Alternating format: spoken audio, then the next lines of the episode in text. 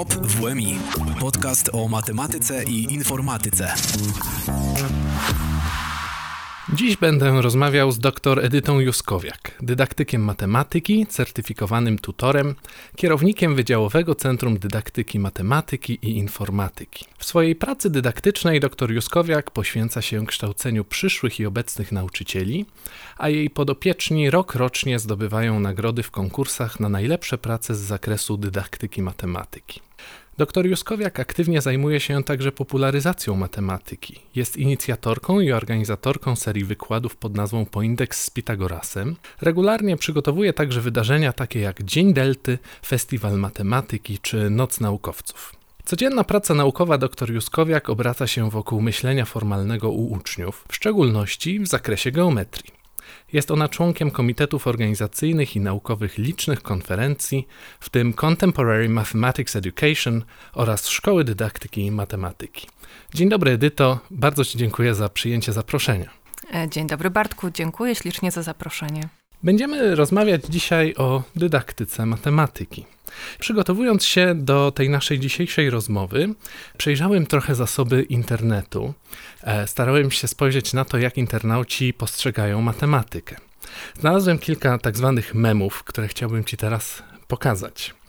Państwo nie widzicie, ale będę starał się opowiadać, co na tych memach się znajduje. Mem numer jeden, Bogusław Linda. E, I na zdjęciu Bogusława Lindy napis Wygląda na to, że minął ci kolejny dzień życia bez potrzeby użycia wzoru skróconego mnożenia. Podobnych e, obrazków jest e, wiele. E, widzimy na przykład kadr z jakiegoś filmu kosmicznego, kosmonauta, podpis Dzień 217, 78 milionów kilometrów od Ziemi, wzory skróconego mnożenia nadal mi się nie przydały. Inny przykład, nauczycielka wskazuje palcem w kierunku ucznia, napis Teraz wzory skróconego mnożenia, żeby was w sklepie nie oszukali. Chciałbym zapytać Ciebie, bo mogłoby się wydawać, że matematyka jest postrzegana jako niepotrzebna, że te rzeczy, których się uczymy, są niepotrzebne. Czy rzeczywiście tak jest? Po co nam uczenie się matematyki? Może wrócę jeszcze do tych memów. Uśmiech na mojej twarzy, przeogromny, ale wcale nie jest to uśmiech zaskoczenia. Tego typu informacje, jakie przeczytałeś przed chwilą z memów, słyszę praktycznie na co dzień od uczniów. Uczniowie zadają pytania swoim nauczycielkom i nauczycielom, po co będę się tego uczyć? Czy kiedykolwiek wykorzystam pojęcia, własności, twierdzenia, jakich uczę się od czwartej klasy szkoły podstawowej po ostatnią szkoły ponadpodstawowej? Oba, nie tylko uczniowie. Przypominam sobie teraz całkiem niedawne spotkanie z jednym z dziennikarzy telewizyjnych, który podczas wywiadu z moim udziałem zadał mi właśnie pytanie, czy kiedykolwiek wykorzysta w swoim życiu funkcje trygonometryczne, których nauczył się w szkole średniej. No właśnie, moi drodzy, nie tak powinniśmy podchodzić do tego tematu, bo tak naprawdę y, musimy y, znać pojęcia podstawowe typu liczby, figury. Powinniśmy umieć operować tymi liczbami w życiu codziennym, powinniśmy umieć wykonywać podstawowe działania, Natomiast tak naprawdę rzeczą najważniejszą w procesie nauczania się matematyki są te cele dalsze, to znaczy wszelkie kompetencje, jakie przy użyciu owych pojęć, twierdzeń, definicji będziemy kształtować. Matematyka jest jedną z takich dyscyplin, jest jednym z takich przedmiotów, w ramach którego właśnie możemy kształtować kompetencje logicznego myślenia. A jakie są inne takie przedmioty? Myślę, że fizyka także jest, czy należy do grupy takich przedmiotów, które tego typu kompetencje także kształtują. I wydaje mi się, że chemia także. Wracając do tych kompetencji, to możemy powiedzieć także w ogóle o matematycznym myśleniu, na które składają się wnioskowanie, argumentowanie, krytyczne myślenie to jest nam bardzo potrzebne we, we współczesnym życiu. Czyli e, sprawdź, czy dobrze rozumiem. Matematyka, fizyka i inne podobne przedmioty bardziej jako e, szansa na nauczenie się pewnego rodzaju myślenia, a mniej jako przedmioty, na których opanowujemy pewną konkretną wiedzę przydatną w życiu, tak wprost bardzo. No bo rzeczywiście tych wzorów skróconego mnożenia to raczej nie używamy wprost, ale kiedy uczymy się tego, jak one funkcjonują, uczymy się pewnego myślenia. Dokładnie. Znaczy, nie możemy też generalizować, bo są pewne grupy zawodowe, które jednak będą musiały wykorzystywać mniej lub bardziej dokładnie pojęcia matematyczne, jakie poznajemy w trakcie edukacji matematycznej. Mm, natomiast pojęcia, dowody, twierdzenia są narzędziem, i to trzeba podkreślić, są przede wszystkim narzędziem w procesie edukacji matematycznej, w kształtowaniu właśnie owych kompetencji, jakie wcześniej wymieniłam. Rola nauczyciela matematyki zmienia się z, z takiej roli, w której nauczyciel przekazuje wiedzę, w taką rolę, w której nauczyciel przekazuje uczniowi umiejętność posługiwania się pojęciami i wnioskowania z pewnych faktów. Tak, to prawda. To, to brzmi jakby rola nauczyciela była rolą wyjątkowo e, odpowiedzialną. To w jaki sposób uczymy matematyki, e, w jaki sposób kontrolujemy to, czy uczniowie przyswajają tę wiedzę, jest bardzo ważne.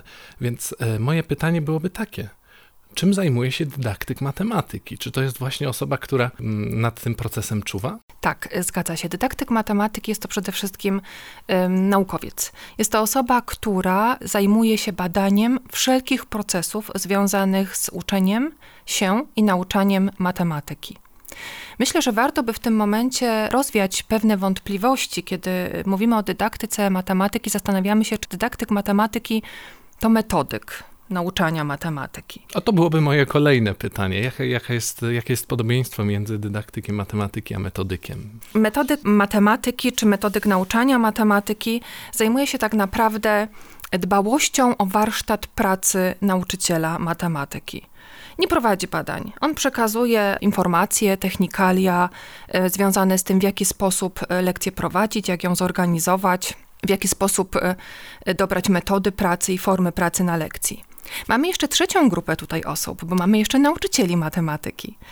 I to jest tak, że Czyli nauczyciel... uporządkujmy. Dydaktyk matematyki, metodyk nauczania matematyki i nauczyciel matematyki. Tak. Y, y, nauczyciel matematyki no może być dydaktykiem matematyki, dlaczego nie?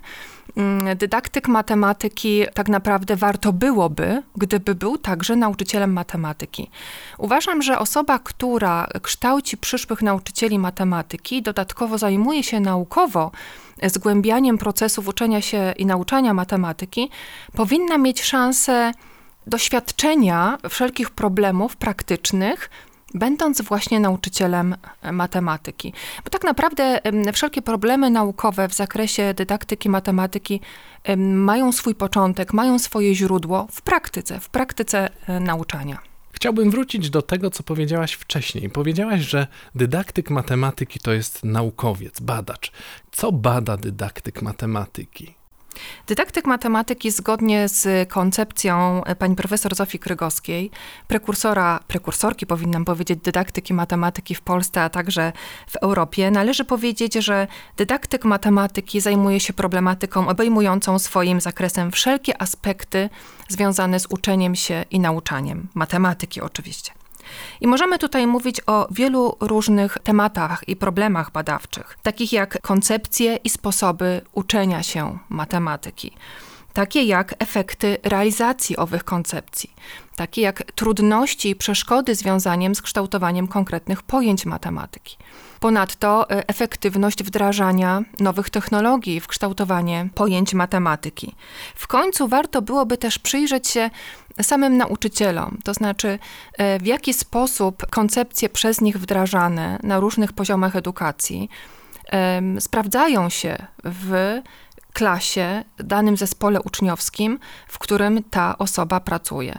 Także jak to kulturowo się sprawdza. Jednym z najszerszych badań dydaktycznych, które jest znane myślę, że każdemu z nas, to jest badanie PISA. Badanie PISA, y, które dotyczy grupy 14-latków, zajmuje się w zakresie matematyki kompetencjami rozwiązywania zadań realistycznych, zadań problemowych. Pojawia się tam sporo pytań dotyczących tego, czy uczniowie potrafią czytać teksty ze zrozumieniem, czy są otwarci na rozwiązywanie problemów z kontekstem realistycznym, czy uczniowie są gotowi rozwiązywać problemy matematyczne na wiele różnych sposobów. No i tych pytań jest tam jeszcze troszeczkę e, więcej.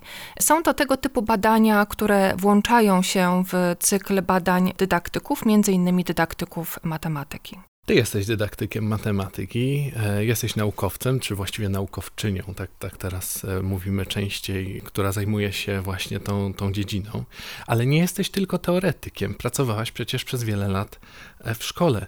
Czy możesz mi opowiedzieć o swoich doświadczeniach z tych lat? Prawdę mówiąc, to od lat dziecin, dziecinnych czy dzieciństwa, powinnam powiedzieć, marzyłam o tym, żeby mieć jakiś wpływ na to, w jaki sposób będziemy, czy nauczyciele będą e, nauczać matematyki, będą kształtować właśnie to myślenie matematyczne. Związane jest to z wieloma dobrymi i e, czasami kontrowersyjnymi moimi doświadczeniami jako uczennicy poszczególnych szczebli e, nauczania. Powiem tak, stwierdziłam, że jeżeli będę chciała być dydaktykiem matematyki, jeżeli będę chciała mieć kiedyś wpływ na to, jak należy kształtować przyszłych nauczycieli matematyki, to powinnam tego po prostu spróbować. Powinnam wejść w środowisko nauczycieli, dyrektorów, powinnam mieć szansę spotkania z uczniami.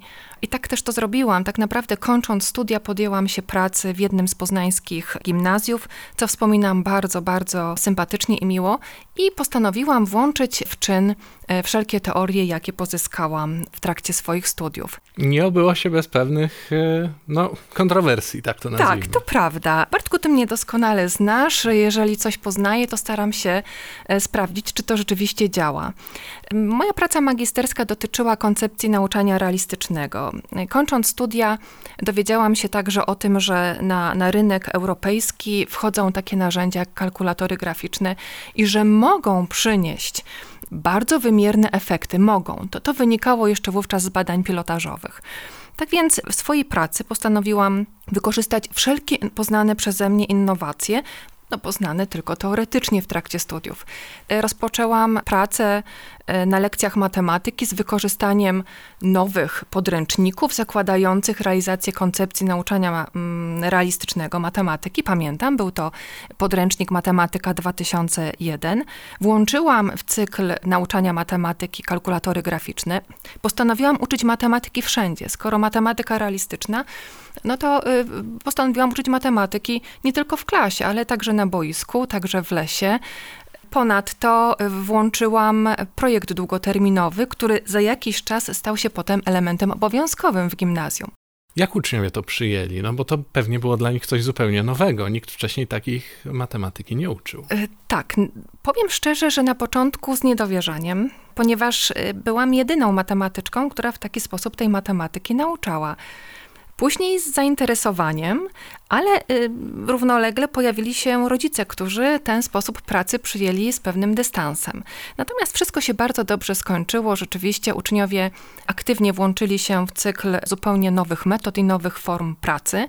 Spowodowało to, że stali się bardzo aktywni nie tylko w szkole, ale także poza szkołą. Uczestniczyli przy różnych y, konkursach i olimpiadach i prawdę mówiąc, minęło już trochę lat od tego czasu, a ja do dziś mam bardzo dobry kontakt ze swoimi byłymi uczniami. Niestety moja praca czy, czy mój pobyt w szkole musiał się nagle skończyć, ponieważ e, obowiązek czy konieczność przeprowadzenia badań związanych z przygotowywaną przeze mnie rozprawą e, doktorską wymusiła e, rezygnację z pracy w szkole.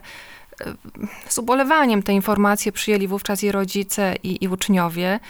No cóż, musiałam opuścić Poznań na pewien okres czasu. Zanim przejdę do tej pracy naukowej, bo to też będzie dla mnie bardzo ciekawy temat, chciałbym Cię poprosić o to, żebyś opowiedziała mi w dwóch zdaniach, jak wygląda na przykład taka lekcja matematyki na boisku szkolnym. Możesz Oj. też wybrać inne miejsce, takie, które ci się teraz kojarzy, bo mnie lekcje matematyki kojarzą się z lekcjami w klasie. E, I chciałbym sobie wyobrazić, jak, jak to mogłoby wyglądać. Wszystko zależy od tego, jaki jest temat lekcji. Tak naprawdę bardzo chciałam zmienić klasę na inne miejsce pracy, żeby zdobyć lepszy kontakt z uczniami. Także były takie lekcje, w ramach których w ogóle nie wykorzystywałam otaczającego nas środowiska, tylko siadaliśmy sobie w kręgu i rozmawialiśmy o pewnych zadaniach matematycznych, starając się poszukiwać różne drogi rozwiązania, starając się wdrożyć, no przecież to wówczas innowacyjne metody nauczania, tak jak burza mózgów, przekonując e, jedni drugich, kto ma rację.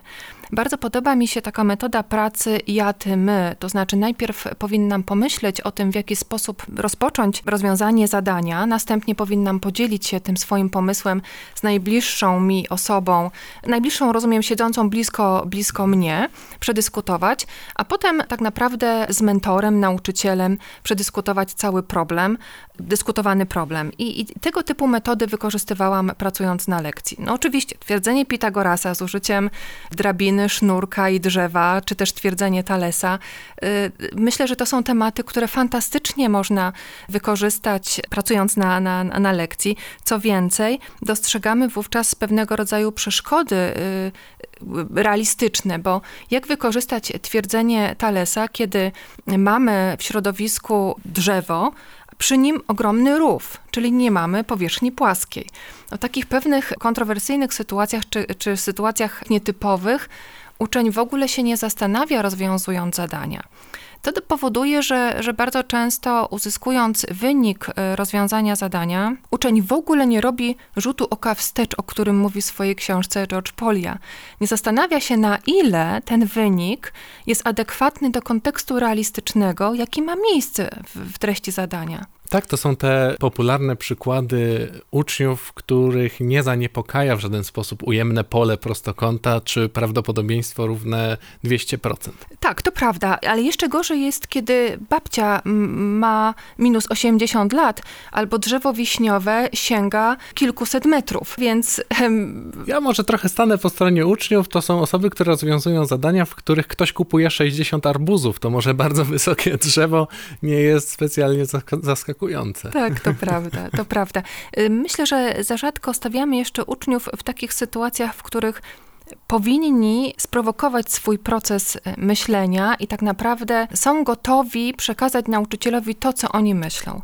W ogóle bardzo rzadko dajemy szansę uczniowi na myślenie. Jeden z moich y, kolegów, metodyków z Holandii, mówi do mnie, Edyta, pamiętaj, jeżeli chcesz w ogóle mówić o kształtowaniu myślenia u uczniów, po zadaniu pytania daj mu czas, policz chociaż do siedmiu, to wystarczy. O Holandii jeszcze porozmawiamy, mam to tutaj w moich notatkach. Chciałbym na chwilę wrócić do Twojego doktoratu. Przerwałaś pracę w szkole, żeby skupić się na pracy naukowej. O ile wiem, zajmowałaś się problemami dydaktyki matematyki z wykorzystaniem kalkulatorów graficznych. Tak, to prawda. Jak te badania wyglądały? Och, tak sięgam teraz myślą wstecz. Y, kiedy pojawiły się kalkulatory graficzne na rynku, y, pamiętam, że y, doświadczyłam tego narzędzia na jednej z konferencji metodycznych w Poznaniu. Stwierdziłam, że warto sprawdzić, czy to narzędzie rzeczywiście ma rację bytu w naszej polskiej szkole. Przeprowadziłam badania pilotażowe e, w jednym z poznańskich e, liceów. E, była to siedemnastka, o ile dobrze pamiętam. Cóż, no, miałam szansę popracować sobie tylko z czwórką uczniów, których rodzice wyrazili zgodę na to, żebyśmy popracowali przez pół roku. Okazało się, że tak, tak naprawdę to narzędzie rokuje, bardzo rokuje. W związku z tym postanowiłam znaleźć takie miejsce, w którym będę mogła przyglądać się procesowi edukacji matematycznej z włączonym na co dzień kalkulatorem graficznym. Oj, to się okazało być niezłym wyzwaniem. Ponad rok szukałam szkoły, która byłaby gotowa przyjąć mnie jako badaczkę, co więcej, wdrożyć kalkulatory graficzne do nauczania matematyki. Wszędzie słyszałam, że tak naprawdę ten kalkulator graficzny to on nie pomoże uczniom myśleć, że on zastąpi myślenie. Dlaczego ja chcę się zająć takim właśnie tematem? Miejsce mi przyjazne znalazłam bardzo daleko, bo w Bielsku Białej E, bardzo dziękuję tutaj mm, Agnieszce Hermie, teraz także pani doktor, która, która doktorat z dydaktyki matematyki zrobiła. Obecnie pani dyrektor ośrodka metodycznego w Bielsku Białej, bo to ona właśnie rozumiejąc moją myśl badawczą i e, będąc przekonaną, że trzeba coś z tą polską dydaktyką matematyki, nauczaniem matematyki zrobić, e, zrozumiała moje potrzeby. Przyjęłam je do swojej klasy, nie wiem, czy przekonując wcześniej rodziców, ja dostałam po prostu zgody od rodziców, bo, bo taka jest procedura, na to bym mogła wejść do, do, do klasy i z tymi uczniami przez calutki rok, dzień po dniu być, a potem jeszcze przez kolejne dwa lata analizować zebrany materiał e, badawczy. Tak więc spędziłam, prawdę mówiąc, szmat czasu poza Poznaniem e, w Bielsku Białej. To był fantastyczny czas. Wdrożyłam kalkulator graficzny podczas kształtowania pojęcia funkcji. Była to pierwsza klasa gimnazjum i okazało się, że tak naprawdę kalkulator graficzny y, możemy wykorzystywać na wiele różnych sposobów i on przynosi naprawdę ogrom korzyści w procesie kształtowania pojęć matematycznych. To wydaje się niesamowita historia, szczególnie jeżeli spojrzymy z perspektywy dzisiejszej, po roku pandemii, nauczania zdalnego z wykorzystaniem właściwie wszystkich możliwych nowych technologii. Już nie mówimy o tablicach interaktywnych, tak jak mówiliśmy kilka lat temu, tylko o, o tabletach graficznych, e, o jakichś narzędziach w stylu test portal i tak dalej. I jakbyś spojrzała na to z tej perspektywy, jak wiele się zmieniło od tamtego czasu, kiedy kalkulator graficzny wydawał się być czymś abstrakcyjnym i, no, właściwie szkodliwym być może dla niektórych nauczycieli, a dzisiaj nikt sobie nie wyobraża prowadzenia lekcji matematyki bez takich technologii. Tak, to prawda. Minęło kilkanaście lat. Powiem tak, y, mój doktorat z wykorzystania kalkulatorów graficznych był pierwszą rozprawą naukową dotyczącą sposobów pracy z tym narzędziem i efektów, jakie on daje w procesie kształtowania pojęcia funkcji uczniów. Dziś rozpraw, artykułów, materiałów dotyczących wykorzystania przeróżnych narzędzi mamy bardzo wiele. Co więcej, odnoszę wrażenie, że polska szkoła zrozumiała, że tak naprawdę ani kalkulator graficzny, ani żaden inny program nie zastępuje myślenia. Trzeba umieć po prostu w sposób poprawny usytuować to narzędzie w swojej lekcji i dać szansę uczniowi za pośrednictwem poprawnie skonstruowanych zadań we właściwy sposób to narzędzie wykorzystać. Twoja praca naukowa nie skończyła się na doktoracie. Jesteś nadal bardzo aktywnym e, naukowcem i z tego co wiem, współpracujesz ze szkołami na zachodzie, w tym ze szkołami w Holandii. Chciałbym Cię zapytać o to, jakie różnice może dostrzegasz, jakie podobieństwa w tym, jak e, holenderskie szkoły podchodzą do nauczania matematyki, jak polskie szkoły podchodzą do nauczania matematyki. Kilka lat temu moja innowacyjność i taka aktywność została dostrzeżona przez metodyków holenderskich, w szczególności przez jednego z nich, który pracował przez wiele lat w Instytucie Freudenthala, czyli w kolebce koncepcji nauczania realistycznego. Zaprosił mnie do współpracy. To otworzyło dla mnie drogę poznania y, tak naprawdę od środka holenderskiej y, szkoły, sposobu czy też przyczyn holenderskiego sukcesu na edukację matematyczną. Bo tak naprawdę, gdybyśmy przejrzeli sobie e, wyniki badań, e, czy e, europejskich, czy ogólnoświatowych, badania kompetencji uczniów, czy też kompetencji nauczycieli, to Holandia wypada bardzo dobrze. Był taki okres, kiedy była zawsze w pierwszej piątce wyników badań. Powiem tak, y, Holendrzy generalnie kulturowo są narodem otwartym na innowacje i to chyba też jest klucz do sukcesu. Y, my się bardzo często przez długi okres czasu wstrzymujemy przed wdrożeniem nowych koncepcji nauczania, uważając, że to, co robimy od kilkudziesięciu lat, jest naprawdę bardzo dobre. Holenderski metodyk, o którym wcześniej wspomniałam, jest to właśnie ta osoba, która powiedziała mi, że w większości w Polsce ciągle jeszcze staramy się przekazywać wiedzę, to znaczy wlewać pewną gotową wiedzę uczniom do głów, a nie dawać im szansy na myślenie. Kiedy weszłam do holenderskiej szkoły, usiadłam z uczniami, Zobaczyłam klasę, która była wyposażona w stoliki ustawione w taki sposób, żeby uczniowie mieli szansę pracować w zespołach to nie było takie tradycyjne ustawienie polskie. I tak naprawdę z ciekawości zaczęłam przechodzić przez poszczególne klasy, klasy do języka pols- przepraszam, do języka holenderskiego, tak, do języka angielskiego, do matematyki, fizyki i tak dalej. One wszystkie dawały na wejściu szansę współpracy uczniom. Y, na ścianach znajdowały się regały, w których były książki, pomoce, z których uczniowie mogli mieć, z których mogli korzystać w każdej chwili, a do tego ogrom komputerów, do których także mogli podchodzić w każdym momencie. Jeżeli chodzi o nauczanie matematyki, no to edukacja holenderska jest trochę podobna do edukacji niemieckiej. Mianowicie po zakończeniu szkoły podstawowej uczniowie dzieleni są na trzy grupy uczniów, którzy już przygotowują się do swojej dalszej edukacji, czy do takiej pracy zawodowej, czy też do, do edukacji w technikach, czy w końcu do edukacji na poziomie uniwersyteckim każdym z tych y, poziomów uczniowie korzystają z zupełnie inaczej przygotowanych podręczników. Edukacja zawodowa to zestawy zadań z bardzo realnym i sensownym kontekstem zadań matematycznych. Pozostałe grupy to zadania, w których uczniowie są zapraszani i prowokowani do tego, żeby samodzielnie odkrywać albo odkrywać w zespołach pojęcia matematyczne czy też ich własności, a dopiero następnie z nauczycielem dyskutować i podsumowywać.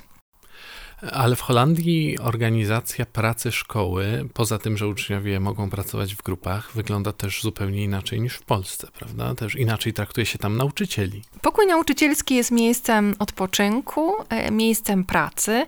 Nauczyciel w Holandii pracuje w szkole, rzeczywiście, przynajmniej kiedy odwiedzałam szkoły holenderskie, z takimi doświadczeniami się spotkałam od godziny 7 do około godziny 17 przebywa w szkole, żeby mógł się tam czuć komfortowo, to jednak musi mieć dobre warunki pracy zapewnione przez swojego pracodawcę.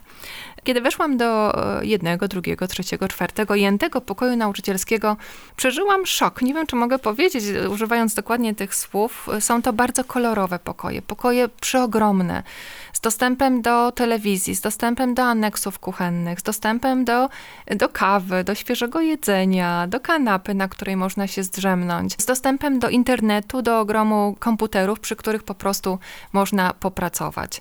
Tak, nauczyciele w Holandii mają możliwość odpoczynku, pracy, rozmowy i współpracy.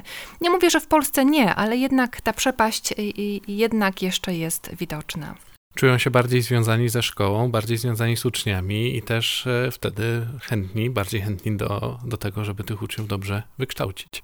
Myślę, że tak. Myślę, że tak, że to jest rzeczywiście jeden z istotnych elementów. Oni są też bardzo otwarci na rozwój.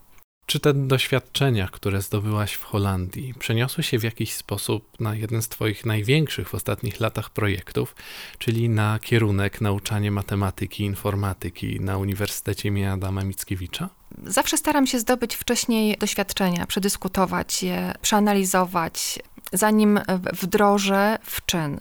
Szkoła holenderska wywarła na mnie największe wrażenie. E, otwartość na nowe koncepcje nauczania, e, otwartość na współpracę przyszłych nauczycieli z już czynnymi nauczycielami, a także z dydaktykami i metodykami, a także otwartość na włączenie innowacyjnych e, narzędzi, metod i technik. Udało się na Wydziale Matematyki i Informatyki zrewolucjonizować istniejący już od kilku lat kierunek nauczanie matematyki i informatyki, wdrażając projekt y, nauczyciel y, Mistrz, Mistrz innowator. innowator. Te słowa są bardzo ważne. Ja może Państwu powiem, e, Edyta bardzo dużo projektów prowadzi, także to nie jest tak, że nie wie, jakie projekty prowadzi, ich jest po prostu tak dużo, że, tak, że, że, można się pogubić. I każdy z nich ma taką bardzo, może nie kontrowersyjną nazwę, ale nazwę, która zawsze jest związana z nauczaniem i, i stąd takie drobne zapomnienie. Tak, wracając do projektu, nauczyciel, mistrz, innowator. Nauczyciel przede wszystkim musi być to y, osoba bardzo kompetentna, kompetentna w zakresie przedmiotu, którego naucza.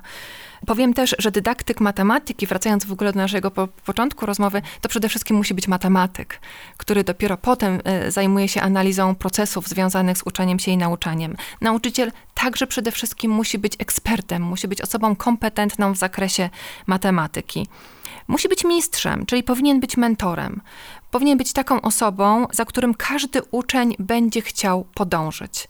I w końcu powinien być innowatorem, czyli powinien być osobą otwartą y, na innowacje. Oczywiście powinien krytycznie te innowacje przyjmować, y, stąd też ta kompetencja krytycznego i logicznego myślenia, ale jednak powinien otwierać się na szereg innowacji, które ostatnio wchodzą na nasze rynki edukacyjne.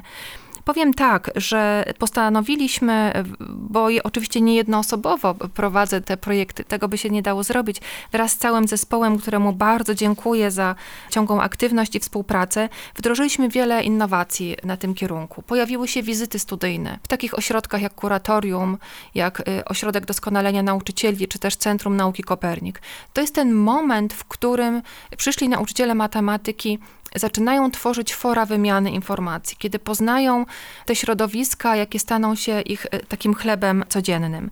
Włączyliśmy nowe metody pracy, takie jak tutoring. No właśnie powiedziałeś na początku, jestem certyfikowanym tutorem i prowadzę z bardzo wymiernym efektem tutoringi rozwojowe i naukowe. Y, ponadto prowadzę także warsztaty z nowych koncepcji y, nauczania. Y, tak się składa, że to te, kolejna z innowacji, koncepcja nauczania wyprzedzającego jest jedną z tych, która pozwala aktywnie mm, włączyć się zarówno studentom, jak i nauczycielom oraz uczniom w proces ich kształcenia się, czyli proces ich uczenia się. Jest to kolejna z koncepcji, którą staramy się wdrażać i której staramy się uczyć. No nie powiedziałam o kolejnych dwóch rzeczach. Na wydziale mamy przestrzeń LEGO, LEGO Education Innovation Studio. Jest to miejsce rozwoju właśnie przeróżnych kompetencji, jakie daje nam zabawa klockami przeróżnych generacji, od tych y, klocków nieprogramowalnych, bardzo dużych, po klocki z modułami programowalnymi.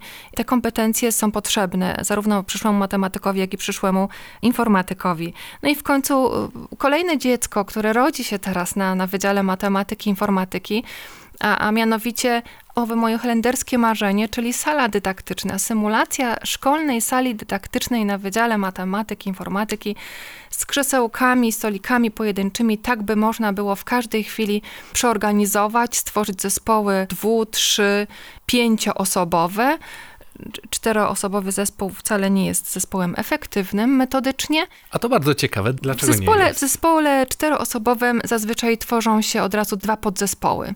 Okazuje się, że w zespole czteroosobowym zaczynają współpracować ze sobą pary i funkcje wcześniej przydzielone tak naprawdę znikają w procesie analizowania problemu, który został dany zespołowi. To bardzo ciekawe, prawda? Bardzo ciekawe. Nigdy tak, bym na to nieparzysta nie liczba osób w zespole jest no, po, poza parą, tak, która także powinna współpracować i, i jest parzystą. To właśnie ta nieparzysta liczba osób jest najważniejsza. No i studenci będą mieli owe regały z książkami, pomocami, e, nie tylko e, związanymi z, e, z grami, ale właśnie także z robotyką. Do tego będzie kolorowa. To jest też kolejny element i przestrzenna. Nie mogę się doczekać, żeby zobaczyć tę salę. Może teraz, jak po naszej rozmowie wrócimy na wydział, będę miał okazję. Bardzo Zapraszam. Ci, Edyto, dziękuję za dzisiejszą rozmowę. Mam nadzieję, że te wszystkie projekty, o których wspominałaś pod koniec tej rozmowy, udadzą się i rzeczywiście zaczniemy kształcić fantastycznych nauczycieli, którzy zmienią to, jak matematyka jest postrzegana przez uczniów i przez nasze społeczeństwo. Bartku, bardzo Ci dziękuję za tę rozmowę. Podjęliśmy się dzisiaj wielu bardzo istotnych i ważnych tematów, które aktualnie dyskutowane są nie tylko w, w, naszym uniwersytecie, ale myślę, że w skali całej Polski. Bardzo Ci dziękuję za zaproszenie do tej rozmowy. Dziękuję. Cała przyjemność po mojej stronie.